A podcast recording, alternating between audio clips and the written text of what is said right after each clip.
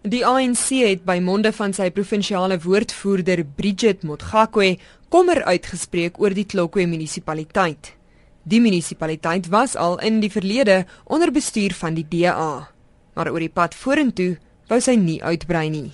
So as the ANC for now we welcome the decision, we respect it, but we'll look at the judgment and we'll take it from there. And we are saying that we are more than ready, we'll, we will reclaim Toko because the people of Toko have confidence in the African National Congress. But we cannot also undermine the issue that yes, it has affected the municipality, but definitely we are going to reclaim it as the ANC and we'll follow all the processes that we need to follow. There is no way that we cannot be worried.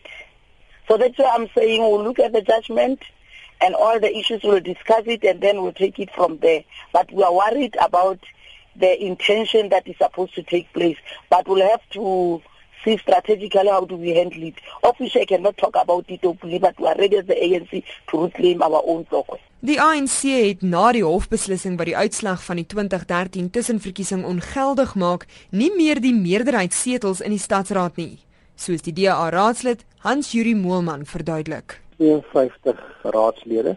Die ANC het 29 van daai totale raadslede gehad en sewe van hulle is nie meer raadslede nie. Dit bring hulle totaal op 22 en met die afsaak is die oppositiepartye, dit sluit die DA, Hope, onafhanklike kandidaat in die Vryheidsfront wat al vir die afgelope 2,5 jaar saamwerk, is 23 raadslede.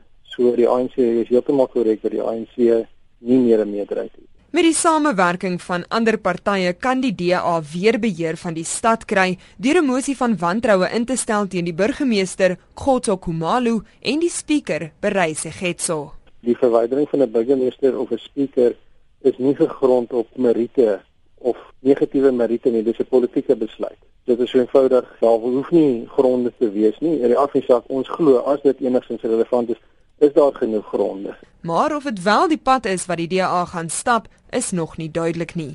Ons sal wel binnekort 'n kokesvergadering belê om uh, kyk dit is nie sommer net jy stap in en jy nie oor nie, daar is 'n redelike proses wat voorgeskryf word. Dit is maar ons ons prosesse en ons besluite neem.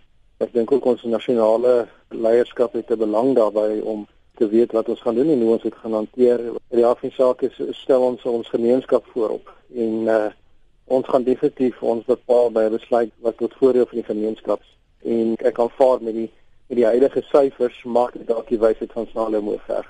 Die saak lê Moelman na aan die hart aangesien hy as prokureur die saak verder gevoer het.